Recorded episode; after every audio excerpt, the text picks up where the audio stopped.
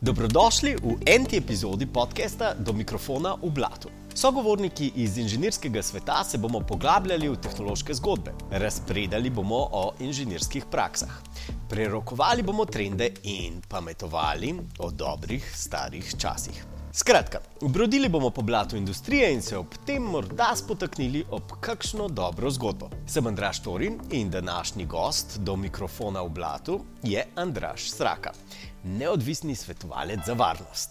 Živijo, Andraš.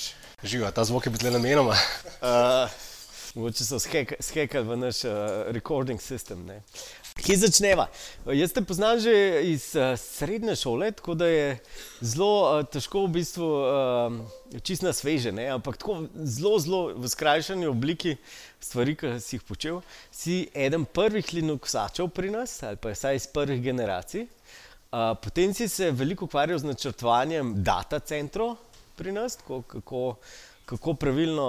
Uh, instalirati in implementirati uh, data centre. Uh, zdaj pa se ukvarjaš s računalniško varnostjo, informacijsko varnostjo, pa organiziraš konferenco B-Sides, uh, ki je čisto prava hekerska konferenca pri nas. Ja, da si tako zelo strnil. Ja, bova šla, bova šla. Strnil, ja, ja. Dejansko tako najne poti se zelo, pre, zelo, zelo prepletata. No. Tako, uh, doskrat, kjer si bil ti, sem bil jaz in podobno. Ne. Ja. Med, med drugim tudi v prostoru, v katerem sediva, tudi tle imamo nekaj skupne ja, zgodovine. A, tako da, um, kot je bilo, je bilo prej um, iz publike, ne, da koliko enih inženirjev je šlo čez Zamanto. Ja. Tako da tudi, tudi to. Ne. Ja, uh, Andraš tam je pomagal pri uh, deploymentih v prvih cloud storitvah na Zamanti. Mislim, da takrat smo bili, smo mičkam pretiravali s cloudom za tišče v 2007-2008. Ne, takrat smo bili, takrat smo bili unijo prvi, ki je Amazon v bistvu sploh v bistvu začel obstajati, prave dokumentacije ni bilo. Um, v bistvu smo se igrali, igračkali s tem, pa še to, ki je bilo zanimivo, da takrat je bil prvi, prvič tako, da je ta uh, Linux 64-bitni prišel v neko stable, ja, stable, stable vode in smo se pač mi na tem, na tem učili, tako da to so bili te izzivi takrat, um, ker ja, 4 giga pomnilnika je bilo takrat bistveno premalo. Uh, lahko prijeva še do tega? Dejva zdaj le z, z kibernetsko varnostjo, A kako se reče, informacijska varnost, kibernetska, računalniška varnost, hekerska varnost? Težko ti odgovorim na to, pač mislim, da, um, da kar koli boš, kar, kar boš zdaj v, Sloven, v slovenščini uporabil, bo v redu. Uh, informacijska varnost. Informacijska varnost, zelo stru, struk, strokovno učeno se sliši. Ja, ja se, se, to je tako uh, strokovno učen job, ne, strokovnjak za informacijsko varnost. Ne, kot inženir si predstavljam, da ko prideš, mi boš pametoval, kako moram stvari delati. Je to to, kar počneš? Um, v bistvu, sam v zadnjih letih res nastopam večina, večinoma v, v neke vloge nekega svetovalca, v neki pač najeti. Um, ko se reče, third party človeka, ki pride v organizacijo in uh, uh, proba najprej um, detektirati uh, te neke anomalije oziroma nepravilnosti. Kdo se je že udaril? Pa ne govorimo samo, kdo se je, je že udaril. Eno, eno je tisto, ko, ko, ko, ko se je že nek tak to vrstni hek zgodil, pa treba pol v bistvu sanirati, ker se sanira da, ampak tisto, ker jaz večkrat pač nastopam oziroma sem trenutno večkrat udeležen, je bolj v bistvu to preventivno. Se pravi, ko, ko prideš in dejansko svetuješ in greš v podjetju čez celotne procese in vidiš, da te stvari bi se lahko že zdaj začele izboljševati. Se pravi, obstajajo firme, ki te najamejo že preden jih skekajo. Um, ja, tega je, tega je danes bistveno več, oziroma tako, celotno informacijsko, s celotno varnostjo je, je tako teže, težek je pojem. Ne? Mislim, nihče noče dati denarja v nekaj, kar ne more prijeti. Ne? Drži. Yes. In um, nekako v zgodovini smo se naučili, da zavarovalništvo, ne, da pač zavarovalne premije se splačajo, oziroma imajo pač celo za določene zadeve so uzakonjene. Um, z informacijsko varnostjo je zelo podobno. Ne. Se pravi, zdaj nekako začenja rekel, um, ta nek trend, da dajmo, dajmo mogoče že kaj prej na tem delati, ne pol, ko so nas že v bistvu pohekali ali pa ko so v bistvu naši podatki ali pa podatki naših uh, uporabnikov uh, dostopni na internetu. A pa, pa tako mogoče, ki iz kakšne kriptodenarnice ukradejo na milijone, pa naslednji teden dobiš pet klicev, da oni bi pa mogoče kaj prej se zavrvali. Uh, ne, zdaj se, um, zdaj se v bistvu, um, doskrat v bistvu je ta klic, da um, po svoje vesel, ne, da, da sem zraven že v fazi načrtovanja. Se pravi, um, še prej se kaj zgradi. Ali? Se prej se kaj zgradi. Se pravi, zdaj to, kar vsi ti nekaj teki um, entuzijasti informacijske varnosti, cel čas tuno, probamo trobiti v, v tem nekem procesu razvoja softvera, ne, shift left, shift left, left ne, da v neki fazi um, se je pol varnost priključila, pol, ko smo produkt že dal ven na trg, pa je produkt rabu neko certificiranje ali pa produkt, ne vem, neka specifična stranka rekla, ja, ampak dajte vi to še potem stestirati. Um, se zdaj premaknilo, da je v bistvu vse že v nekem testni fa fazi, ko se nek quality assurance izvaja na produktu, no, oziroma tisto, kar imamo pa mi celo raj, vidimo, ne, da se v bistvu to premika in da smo že prisotni v fazi samega zgradnje oziroma še prej načrtovanja samega produkta. In da je v bistvu to, ko se načrtuje produkt, da se že ta aspekt, se pravi, informacijske varnosti upošteva. In Mislim, kako to zgleda? Ti se postaviš v vlogo hekerja, da to bi naredil, jaz bi pa to tako shekal, ali je kakšen drug proces?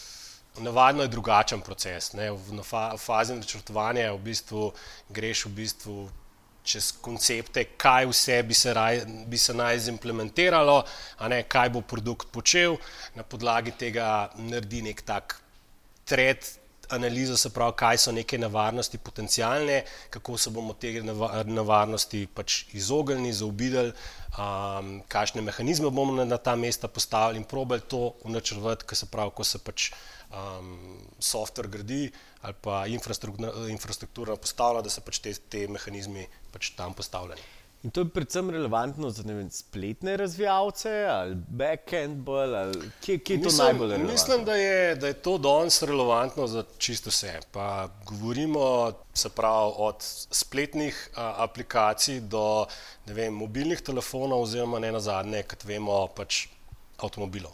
Hmm. Na to temo, mislim, zdi se, da vedno več je naprav IoT, Internet of Things, pa avtomobili, pa to, ko v naše življenje prinaša nek konektiviti. Ne? A sploh uspete lukne krpati hitreje, kot se število teh naprav povečuje? Jaz bi rekel, da ne. Da, da, da ne, ampak um, uh, dajmo upati, da uspemo pravočasno vse te naprave detektirati, oziroma sej, ko, da, sej, prav, prav, ko pridejo na tržišče, da da grejo čez uh, tok neodvisnih uh, raziskovalcev, ki se ukvarjajo z iskanjem tovrstnih uh, renljivosti, ne, da jih prav čas.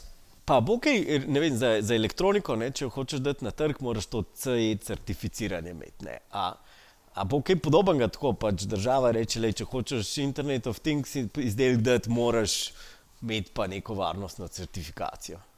Težko rečem, ampak svoje bi si želel.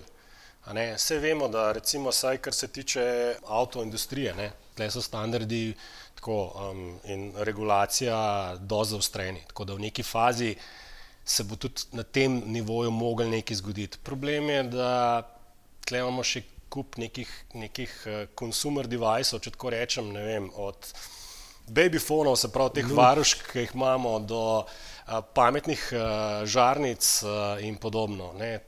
Minus avto, si pri kakšnih avtomobilskih projektih sodeloval? Ali? Ne, nisem sodeloval na, na avtomobilskih projektih, bil sem pa uh, večkrat poslan, se pravi, izvajal sem um, nek. Um, Se pravi, prodajal sem professional services v tujini, med drugim tudi v eni od večjih franšiznih firm, ki izdeluje določene, določene dele za, za avto, avtoindustrijo.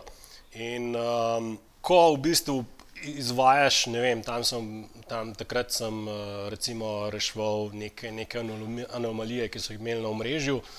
In um, ena, ena od zadev, ki se je recimo upazila, ne, um, imeli so pač nek access point, ki je pač imel recimo nek, um, se pravi, security standard web, ki je danes v bistvu velja za ranljiv, vemo v bistvu, praksa pravi, se ne uporablja in podobno. Ne. Mi je bilo zanimivo, da v bistvu, kljub temu, da so se tega zavedali, ne, da pač imajo tle problem, je celotna industrija tako zregulirana, da je cel proces, prav, to, da se pač tista stvar predstavlja, ker bi za nekega administratorja pomenili pač neko kljubico v konfiguraciji spremeniti, ne, uh, se je v bistvu spremenil v šestmesečni projekt.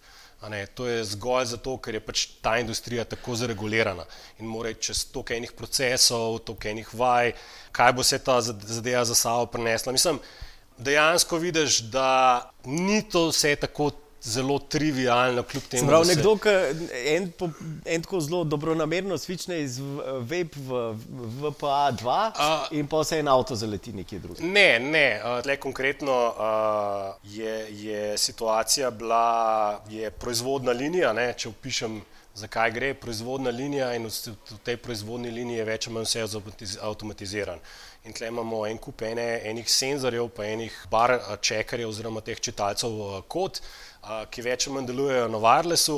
Večina te tehnologije, ne vem, izpred 15 let funkcionira na, na webu in je pač verjetno zaradi to vrstnega razloga to bilo nastavljeno.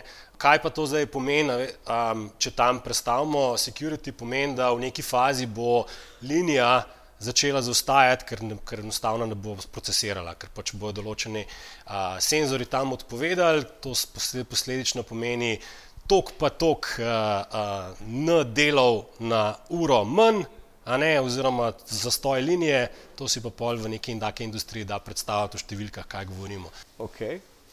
Uh, pa če gremo nazaj v inženirjing, aj kakšna stvar, kot bi rad jo res položil na srce vsem produktorjem in inženirjem o računalniški varnosti tako, in ne bi vzel več kot eno uro uh, v nekih stavkih. Na kaj, kako pristopiti k temu?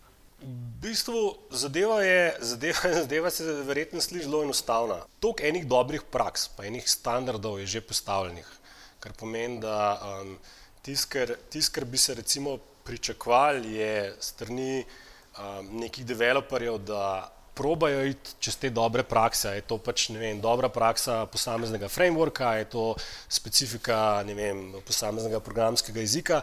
Um, v bistvu za vsako zadevo je v bistvu nek tak security uh, best practice ali pa guidance obstaja. To pa bolj, bolj je bolj mogoče tisto na, na, na delodajalcih, da vlagajo to v svoj kader oziroma da svoj kader pošiljajo na to vrstno izobraževanje. Pa, Te, se, pa, tisti, pa seveda, da najamajo svetovalce za informacijsko varnost. V neki fazi. Ja. okay. um, Umenil si toliko standardov, ti si tudi zelo aktiven član ene pa teh komunitijev, ki se ukvarjajo tudi s temi standardi. Uh, Cloud Security Alliance, uh, vem, tudi Slovenian Network Operation Group. A, a to kaj pomaga? Kaj tam vidite? Um, tako mogoče se pravi, Cloud Security Alliance je ena taka globalna, globalna organizacija, um, ki pod eno neko skupno, skupno streho združuje tako v bistvu največje um, uh, proizvajalce ali pa um, playerje v industriji, se pravi, uh, oblačnih storitev.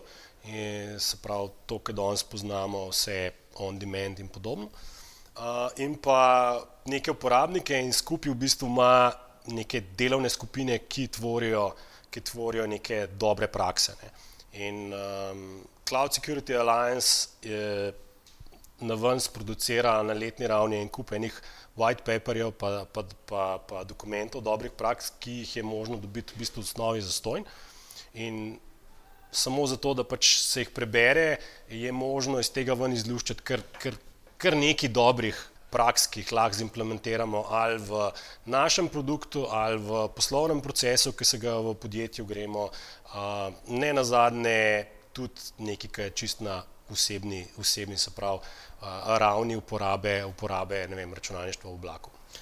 Organiziraš tudi B-Sites, to je hekerska konferenca, ali lahko rečemo?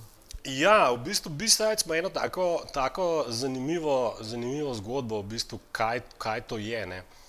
poznamo pač te komercialne evente, ne, kot nek komercialni, eh, komercialni dogodek, eh, recimo z področja informacijske varnosti, ki ima za sabo pač eh, en kup eh, tako eh, tehničnih predavanj, kot seveda nekih komercialnih ti predavanj. hočejo neki prodati. Tako je, ne? tako, no. Um, in ideja uh, B-Side konferenc je, da to je konferenca, ki se nekako priključi nekemu A-Side dogodku, nekemu veliki, veliki konferenci, s tem, da ta B-Side je pa ta v duhu nekega um, community-driven eventa, kjer ga um, posamezniki v bistvu čisto volonterno uh, pridejo, sprodavajo. Navadno je to neko tako zelo neformalno, neformalna organizacija oziroma neformalna oblika a, druženja in um, je v svetu tako en postal en tak fenomen, da ne vem, mislim, da je že nekaj čez 300 uh, B-sides eventov po, po, o, s, o, po svetu. Ampak ker kle ni A-side konference, pa sem B-side delal. Uh, ja, v bistvu smo imeli tudi A-Site, v bistvu včasih je to bil uh, Cloud Security Alliance uh, Summit, ki smo ga organizirali. V neki fazi je, se je zgodilo, da da je ta B-side Ljubljana postal uh, bolj obluden kot A-side event, ne, pa smo videli, da mogoče um, uh, dajmo resurse drugam usmeriti, oziroma zmanjkalo nam je vse te energije počeče uh, nek A-side. Se pa sem pa odprt, da če bo v Sloveniji na, na nivoju izpeljan nek A-side dogodek uh, na temo informacijske varnosti, zakaj pa, zakaj pa se še ti mi temu ne, pri, ne priključimo. Ja. Pejva, pejva še malo v tvojo, ja, ne vem, ali bi ti rekel prejšnjo kariero, ampak data centri. Uh, Če, jaz, če prav razumem, si ti v bistvu načrtoval, slash gradil data centre po Sloveniji. Uh, v bistvu bolj natančno omrežja, omrežja uh, data centrov, tako v neki, neki poti, m, karierni, ker sem v bistvu šel iz nekih telkov, se pravi, kot sem prej počel za, za operaterje, je pač nanesel, da za nekega naročnika um, smo, smo postavljali v bistvu data center. Um, in um, takrat so tako resni, resni um, izzivi bili, ker to vrstnega znanja takrat ni bilo veliko. Kako početi, kako se s tem eh, zlotevati, to so pač bili neki, neki izzivi. A to pomeni, da imamo kakšen tak data center, kot je Amazonovi, ki vidimo sliko, da vem, 500 krat 500 metrov stavba. Aj pa- veš. Aj veš, uh, mislim, tako, lej, lahko da ga imamo, lahko da ga imamo, pa um, o tem eh, ne vemo, ne, ampak uh, jaz mislim, da trenutno se v Sloveniji imam feeling, da največji problem, ki, ki ga opažam, je to, da bi nastal nek super duper data center, pa da bi se pač vsi tam, tam gostovali, preprečevali verjetno pač to slovensko vrtičkarstvo, da pač vsak je hotel imeti data center pri sebi, oziroma je rekel temu data center, da mu reče kolokacija ali pa um, tista, tista sobica zraven VC-ja, v kateri je dodatno klimo zmontiral, pa eno umarano postavil. ne. Tako da ti si pa delal na takih malo bolj proprstih. Ja, pa če sem imel priložnost uh, uh, videti, videti uh, neki data centrov do znotraj, pa par data centrov pošalfati njihovo mrežje, pa postaviti zadeve, da so um, kolikor se, se da redundančne in pa, in pa uh, delujoče, da se pač res da uporabnike pač tist prijeti v Maron, zmontirati opremo in preklopiti. Ja, spomnim se, mislim, da je ene anekdota, ki je Zemanta imela še v Sloveniji, nekje serverje, pa je klima crknila v data centru. Ampak ker je bilo na soboto, so potem vse, vsi računalniki se pregreli, da je vse, mislim, da čakali pol do ponedeljka. To je, to bi tako rekel, vse, vse, vse um, bal, balkanska zgodba. Pač sem imel priliko tudi videti, um, kako um, data center uh, um, zgori. Um, pa pol um, se dobijo nova finančna sredstva, pa se postavi nova oprema, pa pol, naprimer, se zgodi še poplava. Tako da, um, pol mislim, da več ni bilo dodatnih finančnih sredstev. Okay. Kaj, kaj pa, kakšna je taka security, kakšna um, zanimiva nezgoda, anekdota? Najbolj divja. Taka, taka zanimiva, um, tako povezana izkušnja, oziroma v preteklosti sem veliko delko, delal z se pravi telko operaterji. Um, in se ti pač zgodi situacija, da pa mislim, da je to bilo že pred 2-6, ne, za nekega operaterja um, vzpostavljaš upremo. Uh, mislim, da je bilo takrat neka nova Juniper, Juniper uprema. Ti seveda posel uspešno upraviš, um, potem naknadno pač zveš, da podjetje je slejka prej šlo v stečaj, kaj se je zgodilo, pač kdo je to pokupil, gor dol. Ne. Ampak pač potem mine deset let, kjer te najame nek operater, kjer ti na veliko uno pokaže novo schemo, kako oni pa probleme, ki jih imajo v mrežu in če jim ti zdaj tle priješ pomagati. Pač uh, navadno pri taki situaciji, če ne postavljaš, zelo malo pravka s fizično upremo, jo ne vidiš, to je pač v nekih datacentrih, kolokacijskih prostorih in podobno. Ne. In dajo ti podatke, lejte, to so naši koruteri, tle gor, prosim, če pogledate zadevo. Ne, in pa se ti zgodi, da se SSH na napravo in si na napravi, brez da te vprašajo za uporabniško ime in geslo. In rečeš, ok, v redu, strange. In začneš pač gledati konfiguracijo, ne, na kar ugotoviš, da to je neka oprema, ki si jo ti konfiguriral deset let nazaj. Ne. In še tvoj SSH. In je imel moj SSH ki noter. Vidiš, da, vidiš da, se, da se je konfiguracija malo spremenila, pa da so malo krpali, ampak tako, še vedno ista verzija OS-a. Um, pa začneš malo spraševati, kako pač kje so to upremo dobili in ti začnejo razlagati, da to so bila neka skladišča, neke firme, ki je preprodajala upremo in je to imela na lagarju, ki je kupila prej iz neke dražbe. V glavnem, ne, um, tako, realnost je taka, da v bistvu pol Sloveniji na take zadeve, na zanimivosti naletiš. No. Okay. Doskrat, doskrat se mi je že zgodil, da sem recimo najdel, najdel um, svojo, svojo konfiguracijo na upravah. Um, to, kar si prej omenil, ko smo pač začetek Linuxa v Sloveniji, ne, pa tako neka skupina ljudi, ki smo takrat bili neki sistemci. Ne, Doskrat se, se je zgodilo, ne, da si prišel za neko mašino in so ti bile v bistvu stvari jasne, ker je nekdo že skopiral nekaj, kar si ti nekoč objavil nekje ne, uh, in so ti tako zadeve pa zelo poznane. Ok, okay. prednost uh, objavljanja uh, na ja. internetu. Ja. Uh, pa pa pejva, pejva skočiti na, na te stare čase. Z, za publiko je eno vprašanje. Koliko ljudi bi vedeli, kaj pomeni kratica Lugos? Roke gor, dve, tri, tri, tri iz publike. A boš povedal, kaj Lugos pomeni? Linux User Group of Slovenija, oziroma pač mi smo pa to rekli, Društvo uporabnikov Linuxa. Ali pa Gnugos. Ja. Ko si je stal manj prišel. Ja, ja. Lugos, bil si, se pravi, eden prvih, ki si se v Sloveniji z Linuxom, se pravi, to je bil konc, konc 90-ih, je bilo nekaj tasga. To mislim, da, mislim, da ne vem, moje začetki so tam 97. Sej verjetno isto ti, ker mislim, da smo pač več ali manj oba ja. čez iste zadeve šla. Um, ampak res je bila neka mehna skupina entuzijastov, ki nam ta Linux ni dal mer, mer uh, pa smo pač okoli njega pač delati te install feste in podobne zadeve. Ja. To so bili še časi, ki si večer vsake dva tedna sam skompajal krnil, pa probo kaj ja. novega. Ja, ja. uh, Lugo, in takrat, mislim, da Lugo je bilo takrat eno, če sem enkrat prišel, eno večjih društv v Sloveniji. Zdaj sicer ne vem, če to še, ampak v neki fazi mislim, da če odšteješ vsa ta, um, kaj so gasilska, um, gasilska pa pa lovska društva, mislim, da smo, da smo bili eden največjih, zato ker smo imeli nekaj čez tisoč članov. Eh, namreč vse, eh, na vseh dogodkih smo vse ljudi, ki so tako lepi obiskali dogodek, smo včlanili v društvo. Si verjeten, veliko članov ne ve, da je še vedno članov. Ja. Kako pa je ta, mislim, kje si padel v Linux, ajde, dajmo?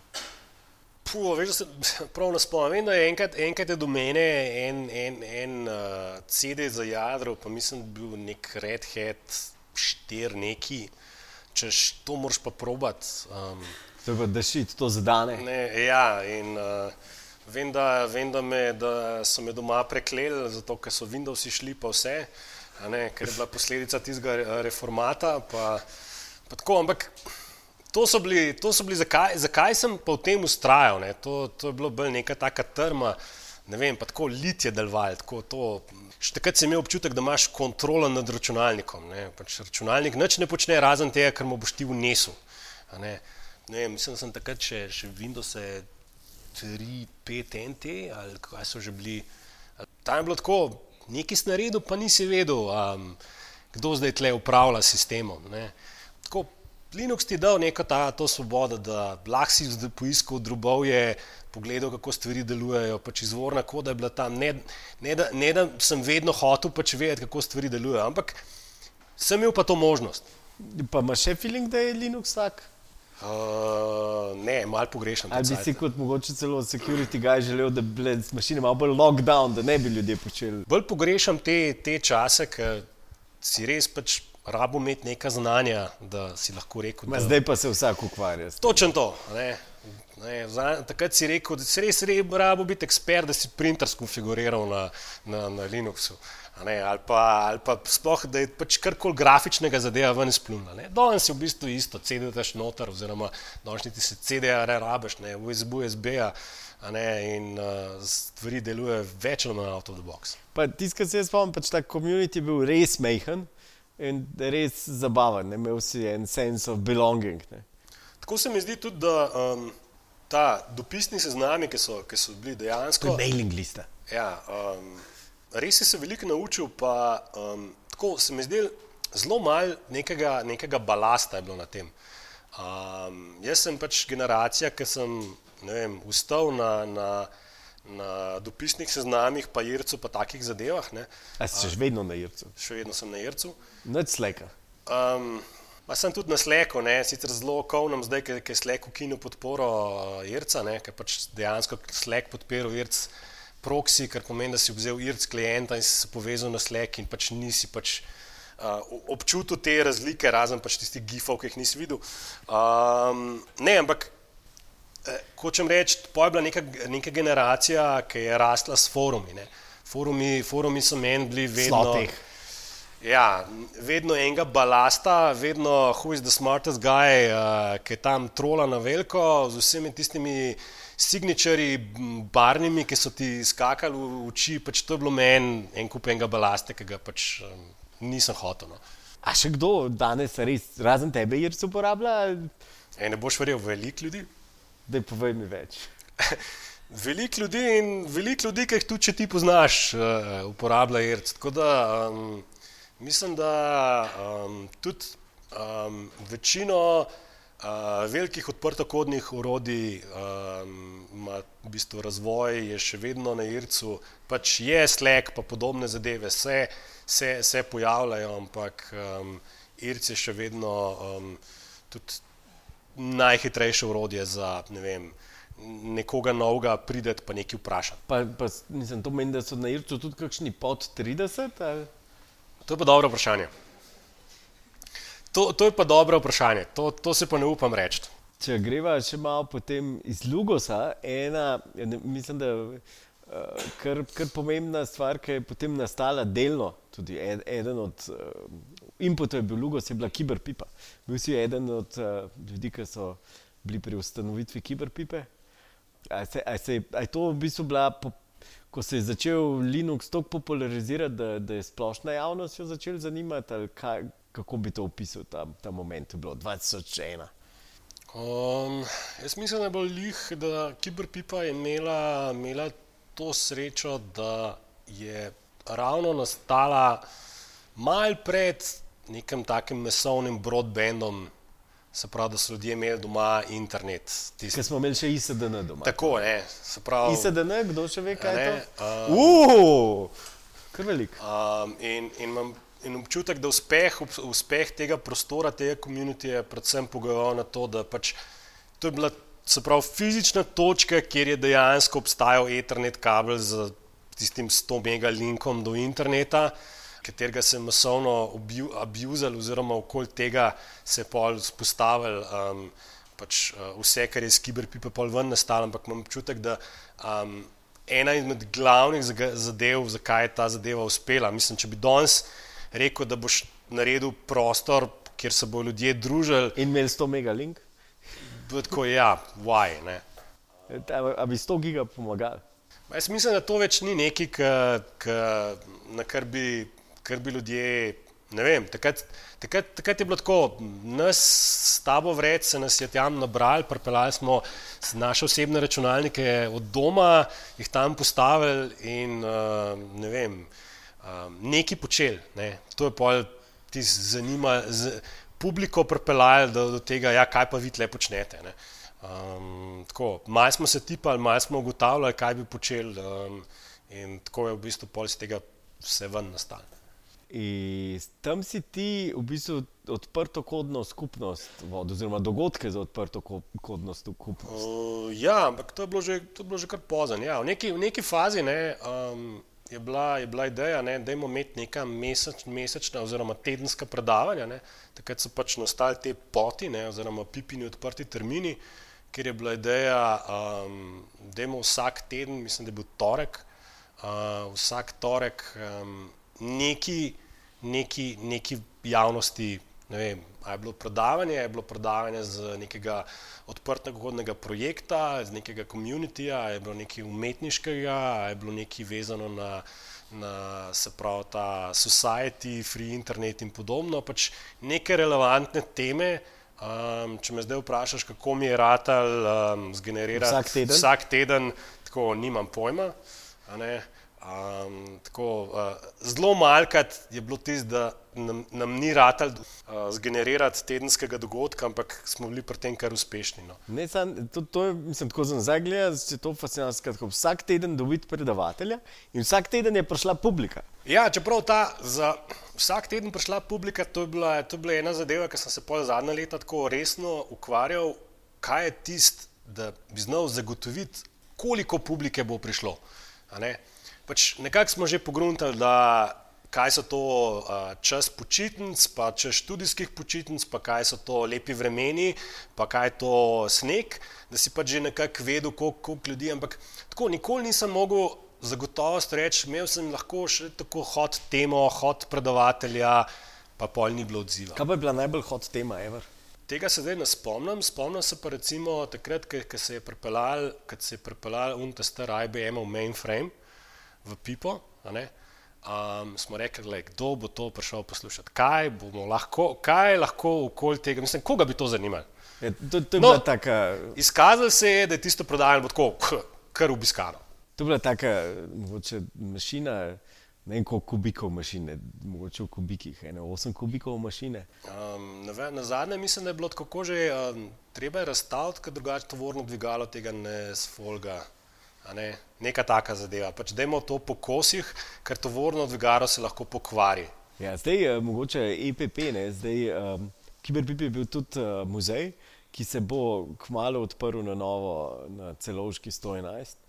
Za tiste, ki jih zanima, obstaja Slack kanal, malo srča pa ga boste najdel. Zelo aktiven, zelo aktiven.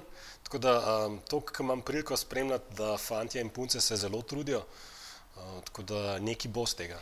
A, ja, z, z ljudmi, ki govorim, včasih malo pogrešajo, kiberpipo, pa to, a ti kaj pogrešaš, ali misliš, da to je bilo, pa je zdaj neki drugega. Pa se sem mal nostalgičen, ampak tako, um, mislim, da smo, mislim, da če bi zdaj rekel, zdaj bom pa spet delal kiberpipo, ne moreš delati kiberpipe. Pač kaj bi zdaj delal zdaj, če bi delal nekaj? No, dobro vprašanje. Nisem tako daleko razmišljal. No, ampak da ti pomagam, delaš nek coworking. Ja, to zdaj... je malo več kot coworking. Ja, um, jaz sem pač, ko pač freelancaš, pa si okol, uh, v neki fazi um, sem pač en tistih ljudi, ki tega ne more početi doma v pižami. Moram imeti to ločnico, da zdaj pa moram nekam iti. Ne? In sem uh, v neki fazi iskal um, nek prostor, neko mizo, kamor bi se dal za zadeve. Uh, v tem procesu najdu nekaj nekaj prijateljev, nekaj um, starih znancev, nekaj novih obrazov, ki so bili na nekem zelo podobnem, um, z neki zelo podobni um, zagati, torej nek prostor, ki bi ne bi bil klasičen coworking, se pravi nek prostor, ki bi bil naš, pa šli bi se nek tak, v bistvu vsak je, um, se pravi vsak dela na nekem svoji zadevi. No, in skazalo se je, da pač um, se nas je deset ljudi najdel, recimo, znamo med sabo funkcionirati, najeli prostore v delovi stolpnici in ugotovili, da um, znamo tudi med sabo se dopolnjevati. Tako da je tudi neke sinergije, kakšen projekt se je zgodil, ki ne vem, rabiš tukaj developerja, oglej, tle v pisarni imam dva, jih lahko ponudam. Ali pa rabiš dizajnerja in podobno. Tako da je v bistvu je nastal en tak mali vrtiček coworkinga desetih posameznikov in pa nekega širšega um, kroga prijateljev, ki občasno pridajo na kavo, rabijo za eno uro kaj podelati in nas pač obiščejo. Ja, Če sprejemate nove člane v pižamah, ali- Uh, jaz mislim, da smo trenutno polni. Bi mogel pa mal, mal pozanimati se, ker se tako. Um, zdaj trenutno par ljudi dela v tako, ve, se pravi, par ljudi tako povezano dela v eni sinergiji, se zna zgoditi, da bo rabili ločene pisarne. Uh, tako da v tem primeru bomo pol iskali. Ja.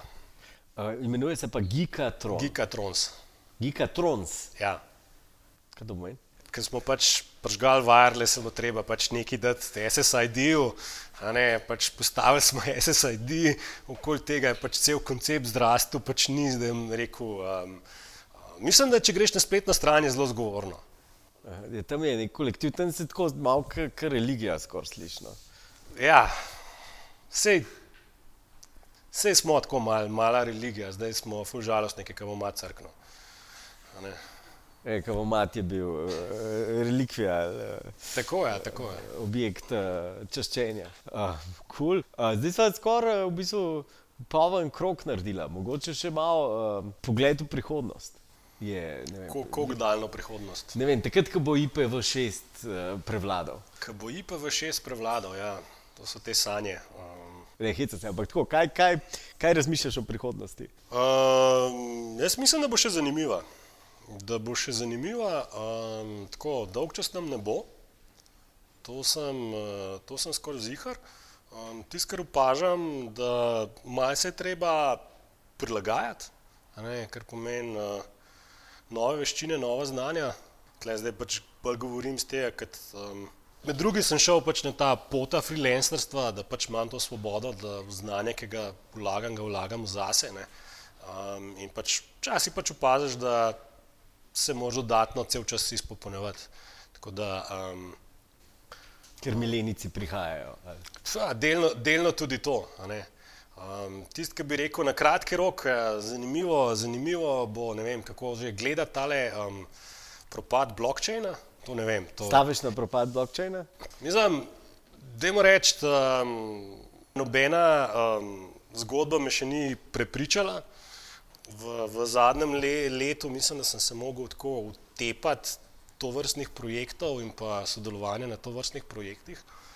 Tako se mi zdi, da je en tak nov način, um, pa se mi zdi, če, če rečem nov način nekega startup sveta, ampak tako startup svet je pač vsem dal tako malo več te materije ven, pa malo več si pač imel za prijet. Um, se pravi, da vse tisto, kar je bilo v, najprej v PowerPointu, se je vsaj v neki obliki nekako udejanjalo. Um, zdaj v, v kriptosvetu, dajmo se presenetiti. Um, Noč distributed trust. Mislim, v neki, v neki meri se bo to itak zgodilo. Zdaj, Sploh glede na to, da si iz security sveta, ne imaš mogoče kakšen pogled na to, da tam pa i vendarle je kakšna um, koristna aplikacija teh tehnologij. Mislim, konceptov, kako bi se to v neke take zadeve spravili, um, je en kup. Ne? Um, vprašanje je, oziroma tle na konce, na konce konča v tej, v tej um, implementaciji. Tako se mi zdi, če tako kot zunanji opazovalec gledam ne, teh startupov v, na, na IT področju. Ne, Navadno so se jih vedno loteli lotel neki ljudje, ki so vsaj nekaj imeli pojma v informatiki, v, v računalništvu, se pravi, tej. Ne, tako se mi zdi, da ta kripto, pa vsi, ki bi radi nekaj v nekem denarju, dajmo pa zdaj nekaj početi.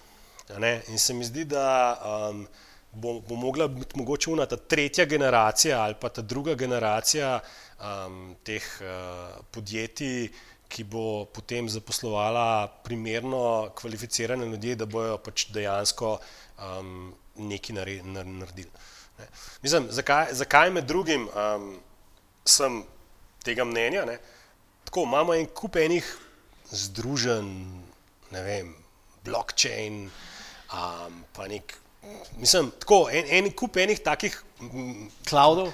cloudov, če tako rečem, se, se je zgodil, ne, ki so tako dost zaprti.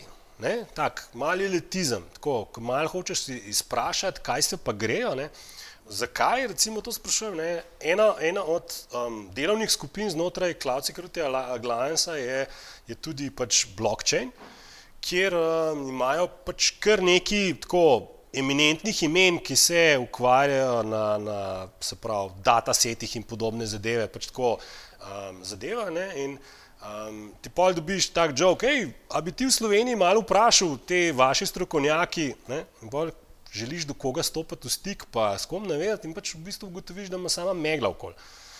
Vse mogoče, mogoče sem, ne vem, izpadel ven, pa nimam ta pravih kontaktov, ne, ampak tako. Um, Zelo težko je, je trenutno imeti, upravka z resnimi nekimi strokovnjaki na, na, na, na blockchain tehnologijah, um, da bi um, znali kaj povedati oziroma pač pokazati. Okay. Lahko, da, lahko da se motim, lej, priznam, uh, ampak tako, moja, moja zadnja, zadnja izkušnja, ne vezati stik, ne, um, je bila taka. No. Okay. Prihodnost, torej megla. okay. Še kakšna zaključna beseda? Uh, zaključna beseda, ne vem sicer, kdaj bo podcast prišel ven, no, uh, se pravi, kdaj bo online. Tukaj gledamo pač, boštjane. Um, pač, če, bo to, če, če bo to pred marcem, ne, potem, potem vabim, vabim ljudi, uh, da mogoče um, iz čistega ferbca pridajo na, na B-Sides Ljubljana ki bo 16. 16. marca v, v poligonu. Upam, da poligon takrat še obstaja. To je to. Super. Andraš, najlepša hvala. Hvala tebi. Poslušali ste noto epizodo podcasta Do mikrofona v Blatu. Današnji gost je bil Andrej Straka, neodvisni svetovalec za varnost. Za mikrofon in audio produkcijo je skrbel Boštjan Špetič, za izvedbo snemanja je skrbela Zala Kurinčič. Ta podcast najdete na soundcloud.com pošiljka v blatu. Z vami sem bil Andraš Tori. Če imate komentarje, ideje ali pritožbe, jih pričakujem na naslovu andrazafnazemanta.com. Se vidimo!